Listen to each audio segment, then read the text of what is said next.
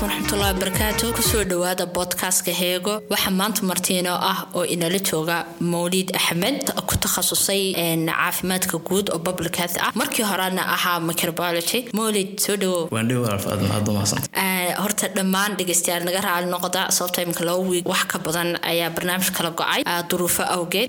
Maanta mawduucan ka hadlayna waxa weeyaan caafimaadka guud muxuu yahay iyo caafimaadka bulshada.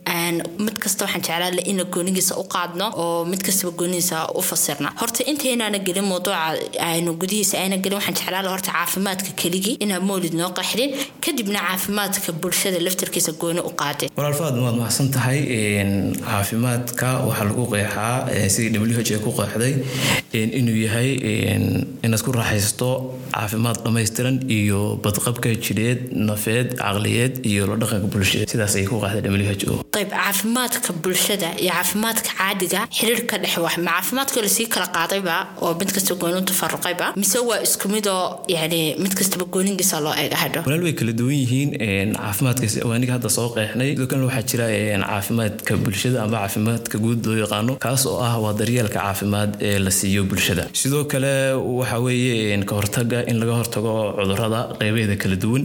Sidoo kale waa in la maareeyo oo la qorsheeyo caafimaadka sidii loo helo caafimaad dhammaystiran sida wacyigelinta ka hortaga iyo isdaaweynta intaan mawduuca qeybihiisa kale u gudagelin waxaan jecelahay in aan sheeko yar kula wadaago oo nooga sheekeeyey nin suudaani ah oo wadankii ka soo shaqayn jiray. Sidii wadagsoonahanayna inaga waan ognahay caafimaadkeenu inuu aada u hooseeyo laakiin markii hore inagunba ku baraarugsanayn hadda waxaad moodaa bulshooyinkii kale ee caalamka ku nool qudhoodu inay ku soo baraarugayeen inuu caafimaadkeeni systemka inu noolahay inuu yaro hooseeyo. Sidaa daraaddeed ninkaas wuxuu nooga sheekeeyey in uu ka soo shaqayn jiray wadankeena soomaaliya magaalooyinka qayb ka mid a deedna wuxuu ihi wadankaa soomaaliya nidaamka ay u nool yihiin. Runtii ma arag nidaam la mid a yani systemka ay u nool yihiin wadamadu caadi system waxay leeyihiin amba ay wax cunaan amba leefsalkoodu waxay leeyihiin qaab iyo habdhaqan gooniyay leeyihiin. Wuxuu ihi wadankaa soomaaliya habdhaqankiisu wuxuu ugu noqday qariib. Iska annaba inay ku nool yihiin kowkab kale. Markaan weydiinay maxaad aragtayo waxyaabaha kuula yaabka badnaa? Wuxuu waxaan ka shaqayn jiray dhakhtar baa ka shaqayn jiray. Horta boqolkiiba sagaashan iyo shan wuxuu ihi dadka gaastari wada qabaan oo nidaamka ay cuntadoodu wuxuu aad waxweeyin baa ka khaldano waxaad aragtaa kadib markaan u koorgalay waxaan ogaaday in waxa ugu badan ee ugu sababaya inuu tahay nidaamka qadada iyo habka ay u qaataan in ay magaranaysa ay sababayo. Xilliga qadada la cuno walaa qadadaynu cunayna waxay ka kooban tahay? Waxay ka kooban tahay iyo siday u qaataanba. Labaduba inay sababayaan mawduucan waxaan jecelahay isagoo faahfaahsan inaan kaga hadlo qeyb soo socota ka hadli doono hadduu ilaahay idmo. Haddaynu ku sii soconno mawduuceena sidoo kale waxaa jira caafimaadku inuu xiriir aada u ballaaran leeyahay diinta. Sidaa darteed islaamku wuxuu ihtimaam aada u ballaaran siiyey caafimaadka. Ilahay wuxuu ihi subxaana watacaala wain tacuduu nicmat allahi laa tuxsuuha. Haddaad tirisaan nimcooyinka ilaahay inagu galaday waa midaan la koobi karayn. Nicmada caafimaadka runtii waa taaj iyo nimco madaxa inoo saaran taas oo ayna inagu dareemeyn laakiin ay dadka xanuunsanayaan runtii aanba nimcada caafimaadka qofku waaya uu in badan dareemayo. Rasuulkuna sala allahu caleyhi wasalam wuxuu yidhi nimcataani maqbuunun fiihimaa kathiirun min annaas wamaa asixa walfiraaq sidoo kale islaamku wuxuu dadaal dheeriya ku bixiyey dadaal aada u sarreeya inuu qofka muslimka ah uu ku raaxaysto caafimaad jidheed iyo mid nafeed. Labadooda ayuu qofka insaanka ama muslimka ah wuxuu ugu awoodeysanayaa inuu si awoodle ugu cibaadaysto sidoo kale si khayriyaan ugu shaqaysto. Ugu shaqeeyo naftiisa ehelkiisa iyo ummadiisaba hadduu qofku caafimaad uu ku raaxaysanayo intaasoo bulshaa wuu adeegaya nabigu sala allahu caleyhi wasalam wuxuu yidhi almu'min alqawiy khayrun wa axabu ila allahi min almu'min adaciif mu'minka ama qofka muslimka ah awood leh waa mid uu ka khayr badan yahay waana laga jecel yahay xagga ilaahay mu'minka daciifka ah ee caafimaadkiisa uu hooseeyo. Taasoo macnaheedu tahay inuu qofku uu awood iimaaneed leeyahay uu awood caqiid ahaan leeyahay sidoo kale waa inuu awood leeyahay jireed iyo iyo mid nafeedba. Sidaa darteed islaamku wuxuu u jideeyey aadaab buu u jideeyey caafimaadka aadaab buu u jideeyey iyo wuxuu u jideeyey dariiqooyin lagaga hortegayo sidoo kale wuxuu sameeyey waajibaad waajibaadkaas oo ah nadaafadda. Waxaa loo yaqaano addahaara wanadaafa waana dahaaradda iyo nadaafaddu waa udubdhaxaadka caafimaad. Sidoo kale islaamku wuxuu ku booreeyey waxaa loo yaqaano isdaweynta iyo in qofku raadiyo caafimaad inuu raadiyo. Waa kii rasuulkulaha sala allahu caleyhi wasalam isdaweeya cudur kaste oo la soo dejiyo. Sidoo kale dawadiisana isagana waa la dejiyey. Daba waxyaabaha uu islaamku uu ihtimaamka badan siiyey waxaa ka mid ah inuu u dhigay dariiqooyin laiskaga hortago. Sidoo kale asaaliib la isku cilaajiyo iyo hab dhaqan oo magaranaysaayay caafimaadka lagu ilaaliyo. Sidoo kale halka islaamku uu caafimaadka mowqifka uu ka taagan yahay caafimaadka islaamka waa mowqif runtii mid la mid ah. Aanay jirin taas oo ay siiyeen diimaha kale. Wax la mid ah intuu islaamku siiyey ma jiro diin siisay. Waxaa jira waxyaabo kale oo islaamku inooga digay si loo ilaaliyo badqabkeenna iyo caafimaadkeena loo ilaaliyo. Waxaa ka mid ah waxaa loo yaqaano caajiska oo islaamku inooga digay. Sidoo kale wuxuu inagu booriyey jimicsiga iyo qaybihiis kala duwan. Noocay doonto ha noqoto fardafuul ha noqoto qaybihiisa kala duwan oo badan. Sidoo kale nebigu wuxuu inooga digay sala allahu caleyhi wasalam inaynu ka tagno waxaan loo yaqaano weelka iyagoo af bannaan. Hawada baa geli kartaa waxaa geli kartaa xayawaanada cudurrada gudbiya baa iyaguna geli kara. Haddaba weelka oo bannaan aad habeenkii ka seexato in aynu cunno cunto aada u fara badan amba cuntooyin badan laisdhexgeliyo taasoo keensani karta inay caafimaadka khatar ku noqoto. Nebigu ka digay sala allahu caleyhi wasalam in qofku markuu cunto fara badan uu cuno amaba uu dhargo inuu ku seexdo. Waxyaaba badan bay runtii keeni kartaa dheefshiidka oo adkaada ayay keeni kartaa. Waxaa kaloo ay keeni kartaa inuu qofku neefto sidoo kale ku adkaado way keeni kartaa. Qodobadaas iyo runtii qodobo aan aada loo soo koobi karayn waxaad ka dareemi kartaa inuu islaamku uu muhiimiyad dheeriya iyo dadaal iyo daryeel aada u fara badan inuu islaamku siiyey caafimaadka. Si aynu iga ilaalino inuu caafimaadkeenu hoos u dhaco amba caafimaadkeenu uu noqdo mid liita haddaad mawlida aragta imanka ma garanaysaa otin lahaa nafs ammaana sixaduna waa ammaanad.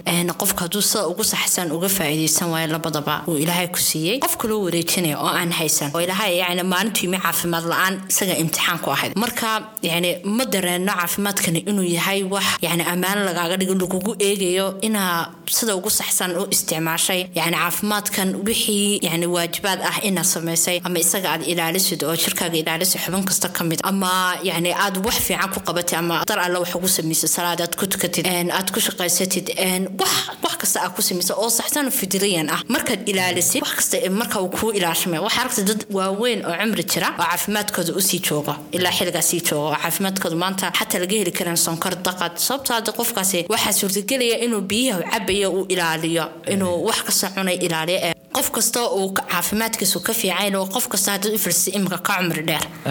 Marka caafimaadkiisiisa waa ammaana dee aad dareem weydo si fudud baa lagaga qaaday waa lagu dareensiinay inaanad dareensanay caafimaadku yahay. Ha wallaahi runtii aad baad u mahadsan tahay. Waa sida aad sheegtay runtii waa wada dhambaysay caafimaadku waa nimcada ugu muhiimsan uu ilaahay nagu galaday haddii siday tahay aynu ugu soo bixi weyno oon ilaahay ugu mahadnaqi weyno waxaa laga yaabaa berika maalinba inaad weydo. Waxaana dareemi doontaa maalinta aad caafimaadka weydo ayaa dareemaysaa qiimaha uu kugu fadhiyo caafimaadka iyo muhiimadda uu ku leeyahay. Hadalkaaga waxaan ku soo xasuustay waxaa jira oday aanu asxaab ahayn. In badan aanu sheekaysan jirnay. Da ahaan wuxuu jiraa lixdan iyo afar meelahaas. Haddana wuxuu u dhaqmayaa uu mararka qaar kubadda noola ciyaari jiray sida dhalinyarada mararka qaar inuu kaa dheereeyo ayaa laga yaabaa. Kadib markaan niri adeer maxaa sirta ka dambaysa? Maanta adigoo da-dana oo afar iyo lixdan maraya in aad habkan dhalinyarada u dhaqmanto amba caafimaadkaagu taam yahay. Sirta ka dambaysa maxay tahay? Inagoo og dadka kale dad maanta soddon jira. Inay maanta cuduro badan ay la nool yihiin. Marka wuxuu sirta ka dambaysa waxaa weeye kow laba mid baa ka dambaysa. Aniga caafimaadka ilaahay sii kow aan ku mahadnaq ilaahay baan ugu mahadnaqay. Ta labaad wax allaaliya wix muxaramaadka ilaahay iga xaaraantimay dhammaan jirkayga kuma samayn kumana eegin hadday indho noqoto iyo haddii luga noqoto iyo hadday qmactona kumana samayn kumana eegin waxaa kaloo ugu muhiimsanna wuxuu yidhi waa salaatuleish anuu salaada ayaan ku ilaalin jiray salaatuleishna si wanaagsan baan u tukan jiray. Saa darteed waan ilaaliyey ilaahayna wuu ilaaliyey. Haddaa u fiirsatay imanka subxaan allah adkaar kasta waxa loo soo dejiyey mansabaday leedahay. Waxaa lagu marka soo toostay intaana suuliga gelin bas indhaha kala qaata sare fiirsatay. Waxaad tiraada alxamdulilah axyaana bacda maantana walayka nushuur. Sababtaa inaad ilaahay u mahad noqdo khaleeta aad sare fadhiisatay ayaa waxaa dhici karta yoomkaagu inuu dhammaystirmo. Oo wixii ugu horreysay aad xasuusatay. Yahay ha in laguu barakeeyo cunto marka dheragtay cunto gelisay alxamdulilah marka leed waxa weye yani ilaahu cuntadaan cunay. Ayaan kugu mahadnaqaya waad aragtaa yani waxaa galay. Wuxuu doona ha noqdo laakiin yani waa taqdiir. Marka wax kasta markiisa aad qadirayso aad qiimihiisa siisid waa mar kastoo aad aragtid qiimuhu ku fadhiyo uu kordhana. Waa sidaa runta runtaa weeye ama qodobka ku xiga jecel isagana inaynu ka hadalo waa caafimaadka iyo caafimaadka jirka iyo nafta. Maxay tahay cilaaqada ka dhexeeya sidaan wada ogsoonahay jirka iyo naftu? Waa laba shay ama laba qaybood aan marnaba kala maarmayn waana isa saameeyaan. Xidhiirka ka dhexeeyana waxa weeye waa xidhiir isku ah iska soo horjeeda ama waxa af carabi lagu yaalna waa cilaaqa cagsiya tusaale ahaan oo kale mar kaste oo walwalka iyo walbahaarka uu nafta ku bato waa mar kasta oo caafimaadka qofku hoos u dhaco. Taa waxaa ka soo horjeeda mar kasta oo qofku walwalka iyo walbahaarka iyo isku buuqu uu ku yaraado oo warwarkiisu aad u yaraado waa mar kastoo caafimaadkiisu kor u soo marka waxaan odhan karnaa caafimaadka jirka iyo naftu waa laba aan marnaba kala maarmayn sidoo kale waxaynu aragnaa ma ogtay duruufteena dadka imika wadanka jooga? Dadka imika wadanka jooga? Waxaa lagu odhanaya duruufta naga baawreen oo duruuftaanu qaadi karweyne markaa warwar ane wallahi waa iska caafimaad qabaa. Bas laakiin yani baa waaye warwar bay kore ama duruufaa la waaye duruuf way jirtaa. Marka yani duruuf way jirtaa laakiin ma fahansana yani duruuftan jirtaa maaha ina waxa ugu yar inaa warwar qaadno yani buur dhakada saartid haddaa maanta buur dhakada saartaan ogayna buurta maanta dhagax iskaga ridi karo. Sooma sidana dhawarku may jabaya marka waa saasoo kale yani warwarka inagu waxaanu naqaana wax kasta biyaha cabisa walla biyahaynu saa caba ka warwarsana balodha ama inta kacayaan ka sii warwarsanaha marka warwarka xataa laftarkiisa wax aad fudud baynu aragnaa yani side effectiga inoo keenaya ama waxa uu ina gaarsiinayo way yarta saa loo fahansay. Waxlahaasina wax hada xataa maanta aragta ku taada qof uu yareeyo warwarsan waxaan ogaanaya annaga habeen maalin baan warwarnaa maxaa nololmeedka caadiga ka mid noqon haa maxaa farq ka jira cuntihiisaa cuno. Nimcada ayuu ku kibrin marka yani dadka ma fahansana waxyaabaha yani caafimaadka guud ee qofka mumkin warwar ku dhacay inuu caafimaadkiisa hoos u ridi karo oo xanuuno yani u keeni karo musmin ah. Xanuunadan iminka jiro badan inuu keeni karo. Warwar ha noqdo wax kasta ha noqdo. Wax kastana waxa ka bilaabma waxa ugu yar. Waxaa ugu yarna xanuunada nafta ku dhaca warwar weeyaan oo yoomi ah.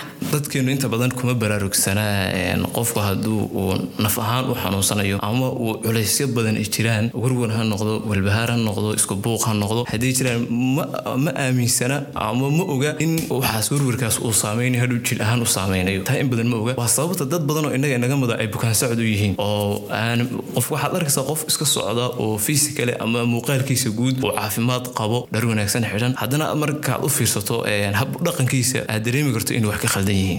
Waana waana taasna waa wax aada ugu soo badanaya. Runtii haddii imika daraasad aan ayaan dhowta akhriyayay ayaa waxay leedahay dadba waxaa laga sameeyey waddanka faransiiska. Waxaa lagu tijaabinayay dad badan oo warwar iyo walbahaar uu hayo. Habka uu walwarkan iyo walbahaarka naftahay uu u saameynayo jirka ayaa cilmi baarista lagu sameynayay deedna waxaa la ogaaday in qof kaste markasta warwar ku bato ama walbahaar ku bato ama waxa stresska loo yaqaano in immunityga qofka difaaca jirka inuu hoos u dhacayo.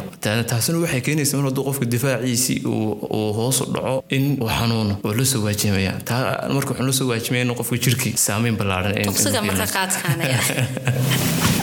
daqsiga feerasada ugu badan sama sida isagu aad aad iyo aad waa saas waana waxa waan dhib jirta hadda waddankeena ka jirta dadkan in badan oo mentally u wada xanuunsanaya maskaxaan u wada xanuunsanaya ayaa jira taa ta ka sii daran ee runtii iyadana aad loogu suxmaado waxa ah in dadkeenu aynu fahansanayn dadka maskaxaan u xanuunsanaya habka loola dhaqmo habka lagu naxariisto iyagoo u baahan wax aad u fudud ayaa waxaad arkaysaa qofkii maskaxaan u xanuunsanayay haddii daryeel yar la siiyo xoogaa dawo yar wax yaroo oon muddo usbuuca ku kaxayn waxa intaan u baahan. Ayaa dadkeeni waa dad u samaysan ma garan karo rabshad iyo in qofka laga waalo. U samaysan qofki wax arkaya la sii waalayaaba qof yar wax yar qabin waa la xidhaya wax qofka hebel loo waashay waa la katiinada qamcaa laga xidhaya sandaqad yar baa meeli looga daloolinaya ha cuntadana markaasaa tii jirkana loo keenaya xanuunka jirkana.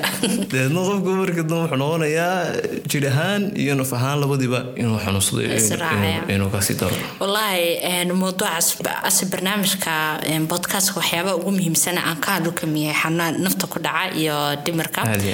Walaahi mawduuc aada u weyn weeyaan oo waxyaabaha caloosha xanuuj waxa weye inaynaan lahayn maraakis waaweyn oo maanta loogu noqdo oo maanta qofkii xanuunsan la odhanka qofka ha loo celiyo. Iyo bulshadii aan fahansanayn waxan inuu yani wax weyn yahay oo muhiimad weyn ku fadhiyo. Maanta yani iyagaa sheegaysaaye ka nafta yani qofkan uu hadhow gaadhsiinayo marxalad gaadhan inuu qof kale dhinto. Hadhow loona al uu dhintay malkumood baa u yimi. Wallahi muhiman haddii la baadha qofkan lagu sameyn lahaa history laga qaado dib loo raajicin lahaa. Waxaa dhici laha qofkan inuu cumrigiisa nus soo cuno isagoo warwarsan ama xanuun culeysyo badan. soo maray oo aanu helin bulsho caawisa inaanu helin cadaad saxa inaanu helin. Waxyaabo badan oo aan saxa helin. Kadibna markii dambe haadhataa ku yimi khaliyato wadnuhu istaagay. Wallaahi waa runtaada. Waxyaaba badan runtii u baahannahay oo ka mid horta kow wacyigelin in mental healthka laga sameeyo caafimaadka maskaxda in aada looga sameeyo. Waxaa kaloo in u baahannahay sida aad dhawaajisay xarumo dadkan lagu hayo lagula tacaalo oo xarumo loo baahan yahay. Waxaana kaloo odhan karaa way jiraan dhakhaatiir fara badan oo kow iyo laba saddex la odhan karo oo bartay cilmigan. Kuna takhasusay maanta heer sare ka gaadhay waxaan ogan karnaa iyaguna dowrkoodii way gabeen. Kaalinta ay ku lahaayeen inay bulshada maanta u gargaaraan ay wacyigelin siiyaan ay garab istaagaan runtii way gabeen baan odhan karnaa. Qofka waxaa ku filnaa gebigiisaba in qofka habil waxa haya wuxuu u baahan yahay nasiimo yar dawooyinka yarna wuu u baahan yahay. Waxaa laga yaabaa in usbuuc gudahood ku raysto sidiisa hore uu ku soo noqdo laakiin waxay naga maqan weeye. Walahi sheekooyin badan baa ase jira. Marka xanuunka loo yimaado. Sheekooyin badan xataa dadka waaweyn marka laga yimaado carruurta laftarkood la yimaado. Iyaga laftarkooduna waa albaabo kale walaahay aynu soo yaro noqono waxaynu ka hadlnay caafimaadka jirkii nafta ka dhexaysa. Haddaynu imano mawlida xagga cuntada aynu eegno caafimaadka iyo cuntada maxaa ka dhexeeya. Waa ogay yani markasta cunto helfiya cunto markasta de caafimaad waxaad heshid bas laakiin yani duruufta wadankeena jirta dhibaatooyinka jira iyo cuntooyinka fitamiinaadka badan le aan la heli kareen. Cuntooyinka intaynu haysano ayaa dhici karaysa inaynu ka soo dhex saarno in fitamiinaad ah. Bas ma garano dariiqadaynu uga soo dhex saaran lahayn oo cuntada cuntooyinka caafimaadka qabee jirka brotiinka u ayna heli kareen. Marka waxaan jeclaan laha inay xoogaa qodobka caafimaadka iyo cilaaqada ka dhexaysa caafimaadka iyo cuntada runtii mawduucaas uu mawduuc aada u muhiima. Tusaale ahaan sidai wada ogsoonahay gaadiidka waxay ku shaqeeyaan shidaal. La'aan la'aantoodna ma dhaqaaqayaan. Kale jirkuna wuxuu ku shaqeeyaa cunto. Cunto la'aantii jirku waxa ma qabanayo.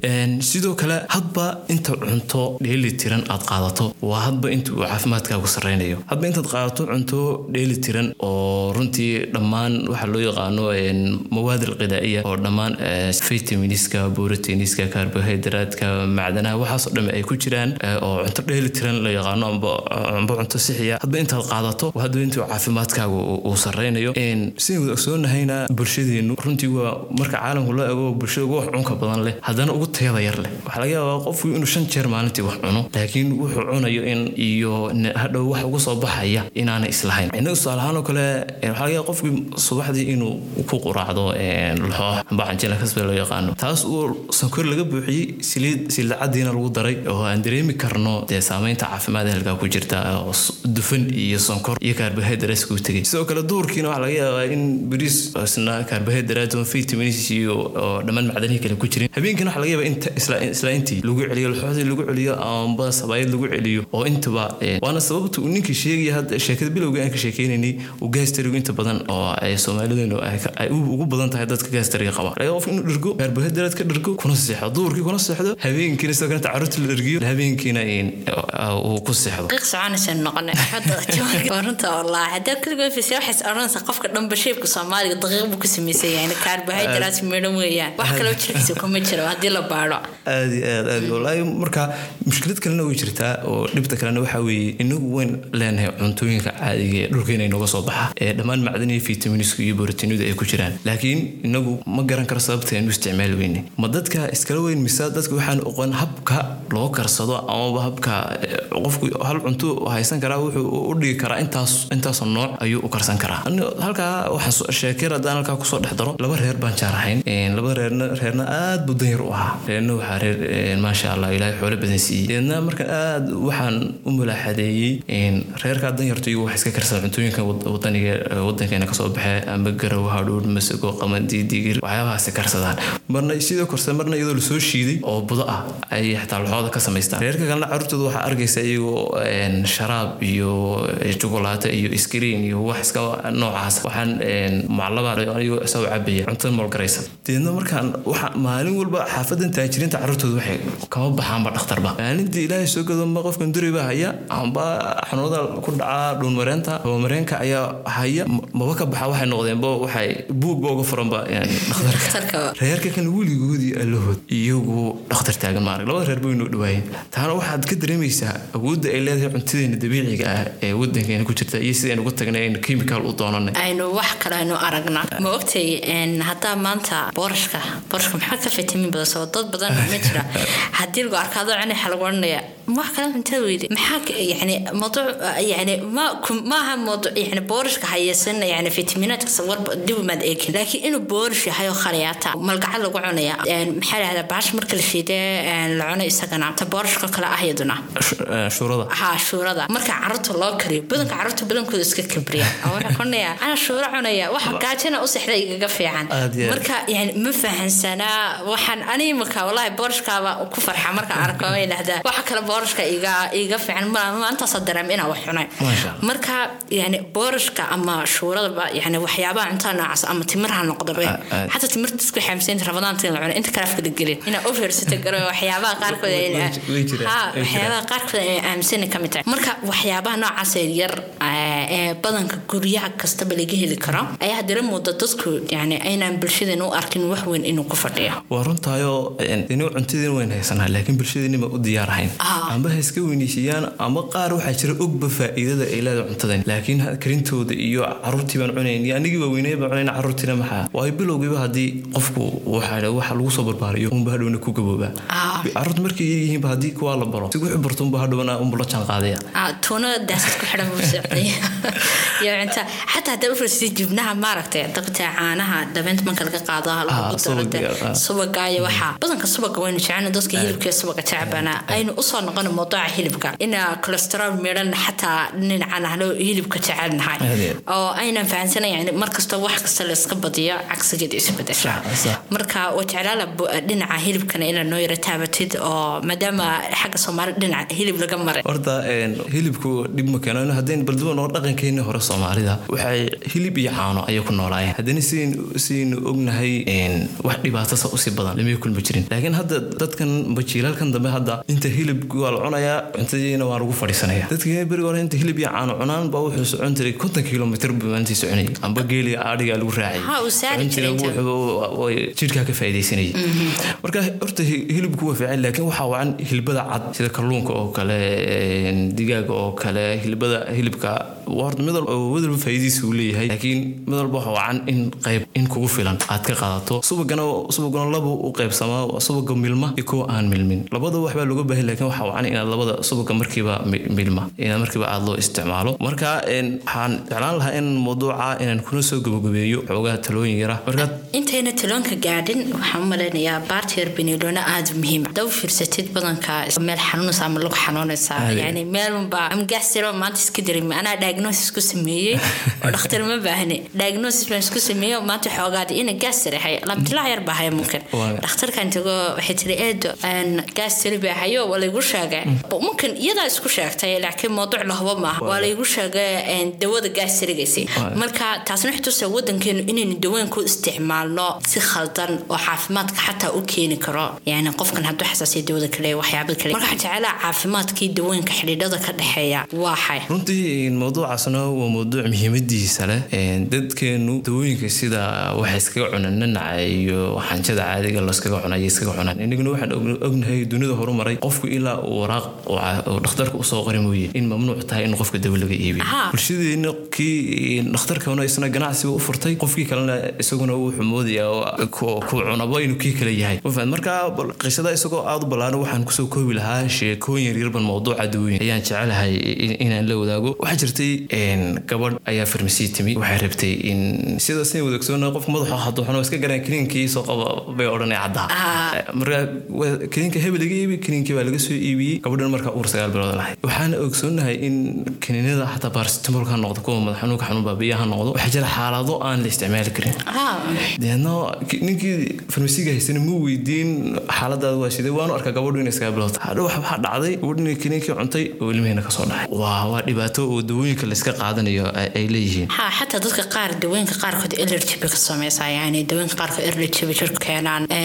Qaar baa caloosha xanuujiya dadka. Yani dawo kastaba side effectiga leedahay waxay moodaa markaynu dawooyinka soo qaadano inta side effectiga waynu tirtirnaayo dawo kasta cilaajun bay samaysa laakiin waxbay nama gaadhsiinaysaa bulshadeenna ilahay bay iska aaminsan yihiin. Bax baa loo soo xambaarinayaa dawooyina. Waxaa aaminsan inuu ilaahay ku caafimaadayo anigu markaa horta intaasba horta ilaahay wax badan ugu fududeeyey. Qisa kale sheeko kalaan soo xasuustay maalin maalin ka mid ah inan baa isoo wacday wadankii waxay shaqo aad badan baan qabtay oo fara badan. Gurigan aad uga shaqeeyey. Marka margaha iyo qoorta baa yara xanuun aan ka dareemayay sida aan maanta dhan wax badan u qabanayay deedna waxaa siri malaha neerfo iyo waxbaa ku haya dhakhtarkii neerfaha u tegay bay tiri. Deedna dhakhtarkina wuxuu ku yidhi ogaa maskaxdaada iyo neerfahagaa lagaaga jiraa wuxuu u soo qoray dawooyinka lagu dejiyo dadka maska xanuunka qaba dadka xanuunsanaya ee maskaxda ka xanuunsanaya lagu dejiyo. Nasiib wanaag walaal dawadaas lay soo qoraye way iisoo tirtayo dawadaas markaan akhriyo waxaan ku dawadani adiga marna miyaad maskaxda ka yara xanuunsatay?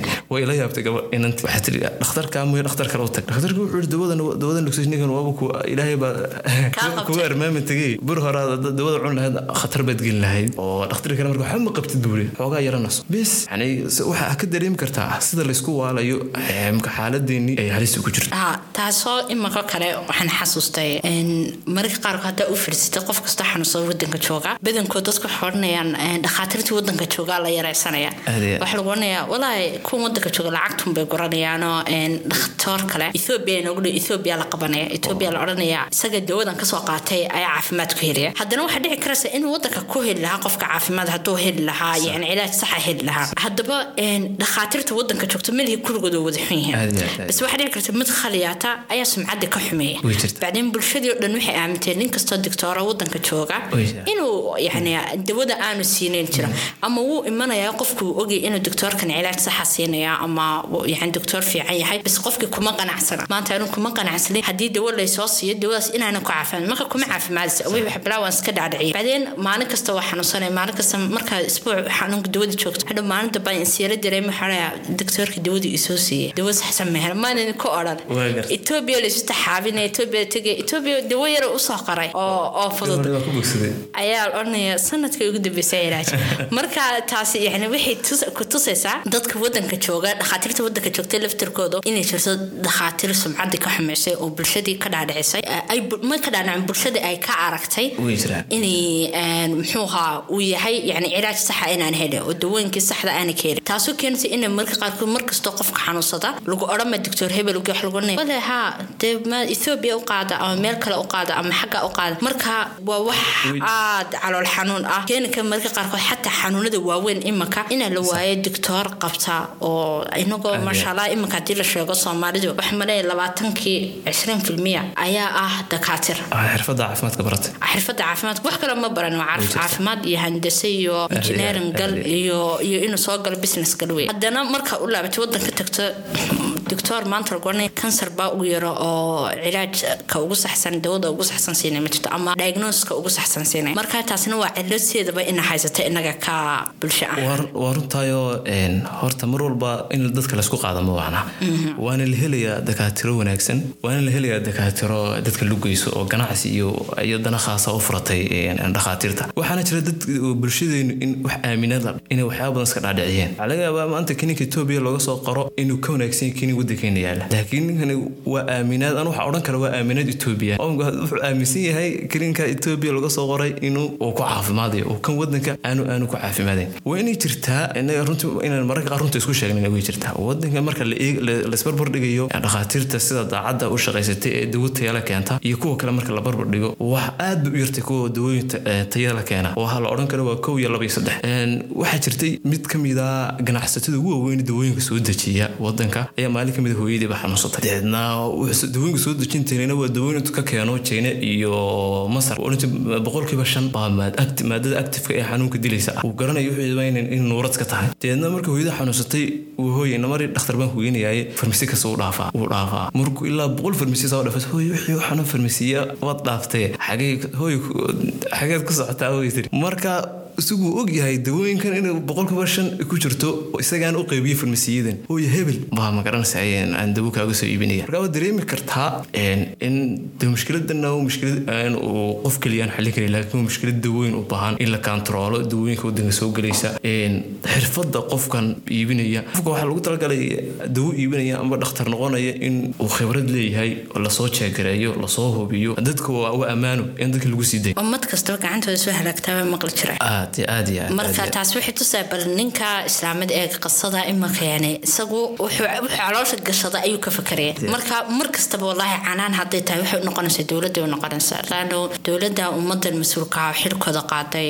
oo tiri yani wasaare waxbarasho ha noqoto mid caafimaad ha noqoto mid kastaba waxa hoos yimaada wax. Marka xataa wasaaradaha hoos yimaaday inuu xataa dawo kantarool ahayd oo xataa dhakhaatiirta imanaysa meesha inay lahaa qaanuun iyo waxay ku soo galaan iyo ku fadhiisto. Hadduu maanta xataa waxaa maqlaa qof aan imika baajka intu soo dhameey aan khibrahaysa wadanka tegayo meel fadhiisanay marka dee shanta sano uu wax ku soo dhigtay imika medicinka dee maanta odhan kari maayo waa cilaaj buuxdu siin karaan qofkii waxaaba sheegsa mi shan sano soo bartay waxaa jira dad intay tababar yaroo shan bilood amba lix bilood qaateen dhakhtar weyn furtay wallaahi taasina mushkilad meel qof kasta haddaanu dareemsanayn bulshada wax kaa saaran mas'uuliyad. Anu waxaan odhan karaa khaladka dhinac walba qayb bay ku leedahay. Qaybta ugu weynba dowladda ha ku yeelato oo waa hawl dowladeed qof bilaadan aanu shaqsiga aanu qaban karin. In waxay dawo wadanka soo gelaysaa qofkan xirfadda caafimaad iyo shahaadadu wato khibradiisa waxaasoo dhan in la jeegareeyo xataa waxaa jira iminka dadka darbajiifyada cadaanka ee waddamada dibadda ah in intay suur noo soo xidheen inoo yimaadaan. Qof train yaroo wadan dibadiisa ka soo qaato cadaana in la yidhahdo doctor hebel baa soo degayay. Deedna la soo dhaweeyo oo dee markuu saddex ku barbarto kaafaraad uu hagaajiyo oo la yidhaho maasha allah. Afartooda dilayba lama arag laakiin mid qura uu hagaajiyey ayaa loonay doctor hebel. Sidoo kale dhakhaatiirtuna iyaguna qalad weyn bayna ku leeyihiin waxaan waa xirfadda caafimaad ilaahay baa ku siiyey. Marka wayna ilaahay kaga baqdo. Oo waxaa ku ummadan aad daweynayso waa lagu soo dhaariyey wayna ilaahayna kaga baqdo. Ha marka dhaaranaysa aswaad ku dhaaratay bulshada iyo ummadda iyo cid kasta waad ku dhaaratay inaad ilaalinaysid sidoo kale qofka damiir baa damiir baa qab iyo insaa iyo dadnimo. Waxaa la moodaa dad badan oo markaasaminka la joogo waqtigan la joogo dadnimadii iyo insaannimadii in aad uga dhimanayso oo sina lacag ku helaa uun hadafkooda kubad yahay. Bulshada qudhooda waxaa odhan kara iyaga khalad bay ku leeyihiin ummadu markay arkaan wixii maanta arkaan oo saadnama arkaan hadday isku tagaan oo hal cod yeelan lahaayeen iyaga qudhooda wax badan bay bedeli lahayn laakiin waa ummad nolol maalmeedkii la baxaadegaysa waa runta been maaha waynu dheeraanay mawlid walaa horta aad iyo aad baad mahadsantay waxaan jeclaan lahaa marka ugu horeysa inaa talooyin yar aynu ku soo xidhna xalqada adigoo raadhiya walaal aad ba umahadsan tahay intaan ka gaadho dhowr talooyin ayaan ku soo gabagabayn lahaa. Talada koowaad sidii wada ogsoonahay caafimaadku waxa weeye waxa ugu muhiimsan waa nimcada ugu muhiimsan oo ilaahay ina siiyey. Hadduu waa tahay qof dhakhtara waa ina ilaahay kaga baqdo. Haddii aad tahay qof caadiyana waa ina isku dado inaad ilaahay ugu mahadnoqdo mahirada caafimaadka oonad ilaaliso. Talabaad waxa weeye qofku waa inuu isku dayo inuu cunto dheeli inuu qaato hurdo fiicanna uu seexdo. Qodobka saddexaad muhiimka aan ku talinaya waxa weeye in jimicsi joogto ah uu qofku sameeyo waayo jimicsigu cuduro badan buu ka hortagaa sidoo kale wuxuu la dagaalamaa warwarka iyo walbahaarka. Farxad badanna runtii waa laga helaa. Bulshadana waxay u badan tahay inay wax badan socodka aad buu ugu yaryahay in cunto badan la cuno kadibna lagu fadhiisto. Marka jimicsi joogtaana waan ku talin lahaa. Waxaana ku talin lahaa habeenkii iyo duurkii karbohaydraanka inta laga dhigo lagu seexanayo iyo xoogaa calal aqali ugu yaraan toban bal la soo yar wareereego waxaa kaloo aan ku talin lahaa in caafimaadkaaga si joogtaad ula soco ugu yaraan oo sannadkii laba jeer aad isbaadho. Dhib kalena aan in badan arkayn bulshada waxa weeye markuu qofku xanuunka soo rito iyuunba isbaadhaa. Laakiin qofku intuu xanuunku bilowga yahay haddii la og yahay runtii waxbaa laga qaban karaa. Siiro fududna waa loo daweyn karaa. Cagajiidaya intuu cagajidaya iyo hadhow hawsha lacag badan iyo waqti badan uu ka gelaya waxaa kaloo aan ku talin lahaa inuu qofku ku dadaalo deganaanshiyaha iyo xasoolida naftiisa iyo naftiisa inuu raaxa siiyo. Waxaa inagu noloshan u noolahayba runtii waxyaaba badan bay ka khaldan yihiin. Waxaa laga yaabaa afartan sano inuu xiiq ku jiro ordayo aanu naftiisana waqti siin jawigan uu ku yara jiro maalmaha qaar inuu ka yaro baxo oo jawi degan oo nasiima ah uu galana. Runtii waa mid muhiima. Waxaan kaloo ku talin lahaa xaalada caafimaad. Darro haddaad aragto inaad si dhaqsaa markiiba xarunta caafimaadka kugu dhow inaad la xidhiidho. Waxaa kaloo ku talin lahaa aad la isticmaalin dawooyinka aan dhakhtar kuu qorin ama aad samayn la tashi aad u farbana aad ka samayn waxaan ku soo gabagabeynayaa ilada ugu dambeeyo aan u soo jeedinayo dhakhaatiirta xirfadlaha caafimaad. Walaalayaal waxaan leeyahay bulshada mas'uuliyad weyn baa idinka saaran. Maalinta aakhirana waa laydi weydiinayaa. Dadka sidaa ula tacaamusheen marka waxaan odhan lahaa qofku ilaahay ha uga boqo oo bulshadan uu daweynayo ama magaranaysa uu dawo siinayo. In uu ka horumariyo tiisa ama haba noqoto maslaxad khaasa mid lacageeda. Inuu danta guud uu ka horumariyo oo qof iyo calaqal waxaa jira dhakhaatiir aan kuwala hadlaynba oo weji xitaa faraxsan. Alkalimatu tiba sadaqa xitaa aanan ku odhanayn xataa halkii uu qofka ahaydba inuu xoogaa talooyin fiican siiyo waxaa iska ilaali waxaa sameeya intaa uu yidhaaho. Inahaasaan jecelahay inaan ku soo koobo hal nasiixa ma ku daraa oo ahayd inaa biyaha badsano oo dee jirka biyuhu u baahan yahay? Waa dhadiisa dhadiisa laakiin waxba ma gelinaysa yani intaa gelinaysaa ka yar biyaha saddex litir ama labiyo badh qofka ha cabo waa runtaa oo talooyinka waxaan kaga soo booday qaybtii caafimaadka iyo cuntooyinka qudhooda ilaa shan talo. Ayaan rabay inaan u soo jeediyo. Haddaan dib u yaro noqono kale waxaa muhiima in qofku qaato qudaar iyo fawaaki aad u far badan inuu qofku qaato. Sidoo kale inuu aad iskaga yareeyo sonkorta iyo dufanka. Aan hore u milmin inuu aad iskaga yareeyo. Waxaa kaloo muhiim inuu iska yareeyo milixda. Inuu aad iska yareeyo waa muhiim. Inuu ka fogaado cuntada gacanku samayska ah ee istinaaciga inuu ka fogaado iyo wax alaaliya waxyaabaha la soo moolgoreeyey soorada leh inuu iska yareeyo. Waxaa kaloo muhiima qodobka aad ka dhawaajisay ee biyaha. Bulshadeena runtii biyaha aad uma cabto. Celcelis ahaana waxaa la yidhahaa qofkii saddex litir afar litir waa inuu maalintii qaato qofka caadiga qaangaarhka ah. Qofkii weliba jimicsi samaynayna intaa in ka sii badan waa muhiim inuu cabo ase biyaha badan wala moogtay waxyaabaha iminka haddaa fiirsatay dad badan baa aragta keliyaha kule dhagaxaan baa iga galay. Muxuu ahaa mashaakil badan oo keliyaha noqota ama jasmiyana haysta. Baryahan dambe waxaa la eg mar oo biyuhu bataan oo qofka biyo badan cabo. Oo markasta la odhan karo qofkan yani cilaajkiisa wuu fiicaya haddii keliya noqoto haddii ha noqoto xataa kaadida midabay leedahay. Marka qofka kaadidiisa waxaa dad kaadida casaan gaadhay. Oo aada u casaato oo odhanayo dhiig baan kaajaya. Dee halka gudbisan marasa wallahi ani xanuun bay hayo waxaan kaajaya dhiig baan kaajaya haddana marka la raadiyo xalkeed waxa weye biyo khaliyaata haddii cabi lahaa maalin saddex litir. waa intaasoo caafimaadka buuxda keeda marka muhiimada ugu markaa dib loo eego biyahaba ugu ra'iisan bointiga ugu ra'iisan uu yahay. Waxaabay dhahaan waxa waa caafimaadka waxyaabaha ugu muhiimsan. Marka qaybta cabitaanka iyo cuntada laga hadlayo waa qaybta ugu muhiimsan bay dhahaan qofka haddii uu biyuhu ku yaraadaan qofkaas xanuunba kama baxayo. Xataa waxaa la yidhi xataa madax xanuun biyaa lagu dabeeyaa qofku markasta uu biyuhu ku yaraadeen madax xanuun keliya xanuun dhabar xanuun dhammaan neerfaha xanuuna. Laakiin qofku hadduu biyihiisu aada fara badan yihiin waxaa markastu dhiiggiisu uu meel walba gaadho oo xataa qofka jirkiisan wejigiisa ama waxaa dhalaal baad ka dareemaysaa. Marka waxaan odhan karnaa biyuhu waaba asaasi bay u yihiin qofka caafimaadkiisa oo dee biyo waa waxa ugu muhiimsan. Dee maan ahana inaa xataa iminka haddaa aragti meel kasta iminka biyaa laysku martiya oo biyaa lagu keeni laakiin waxaa ka xishan hadda maanta marti laysku keeno biyaha dhala. Soomaalida badanka qaar kama biyo cad bi isyaa la odhanaya. Ha biyo cadna dee asal marka loo eego anooshaha ku keeni lahaa maanta ama casir yaroo aan dewa boodal intaa soo walaaqay biyo ku soo walaaqla ku keeni lahaa. Biyaha saafiga cabta kaaga fitamin badan. Ha noqoto xataa dhaqdhaqaaqa jirka ha noqoto. Dadka xataa neerfuu kacsan yihiin wuu degaan relief badan bay sameeyaan. Biyuhu waa waxyaabaha ugu muhiimsan asaasiyaadka xayaadka. Waxaynu soo gaarnay gunaanadkii xalqada. Aad iyo aad baad mahadsantay mawliid sida wacan aad barnaamijka ila waday. Idinkuna aad aad baad mahadsantay sida wacan noo dhegaysanayseen insha allah. Ismaqal dambe oo xiise leh ayaan dhammaanteen inoo wada rajaynayaa